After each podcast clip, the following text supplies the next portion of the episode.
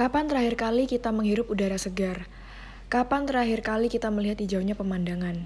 Kini manusia semakin lupa tentang apa yang menjadi tugasnya. Kita dilahirkan bukan sekedar dilahirkan. Apa yang ada di dunia adalah tanggung jawab kita. Semua, segala ciptaan Tuhan, semua harus dirawat dan dijaga. Dunia sedang butuh kita. Sebarkan cinta kita, jangan malah dihancurkan. Apalah arti kehidupan tanpa ada semesta. Bersatu lindungi rumah kita. Bumi butuh uluran tangan kita, bergandengan tangan bersatu merawat rumah tercinta.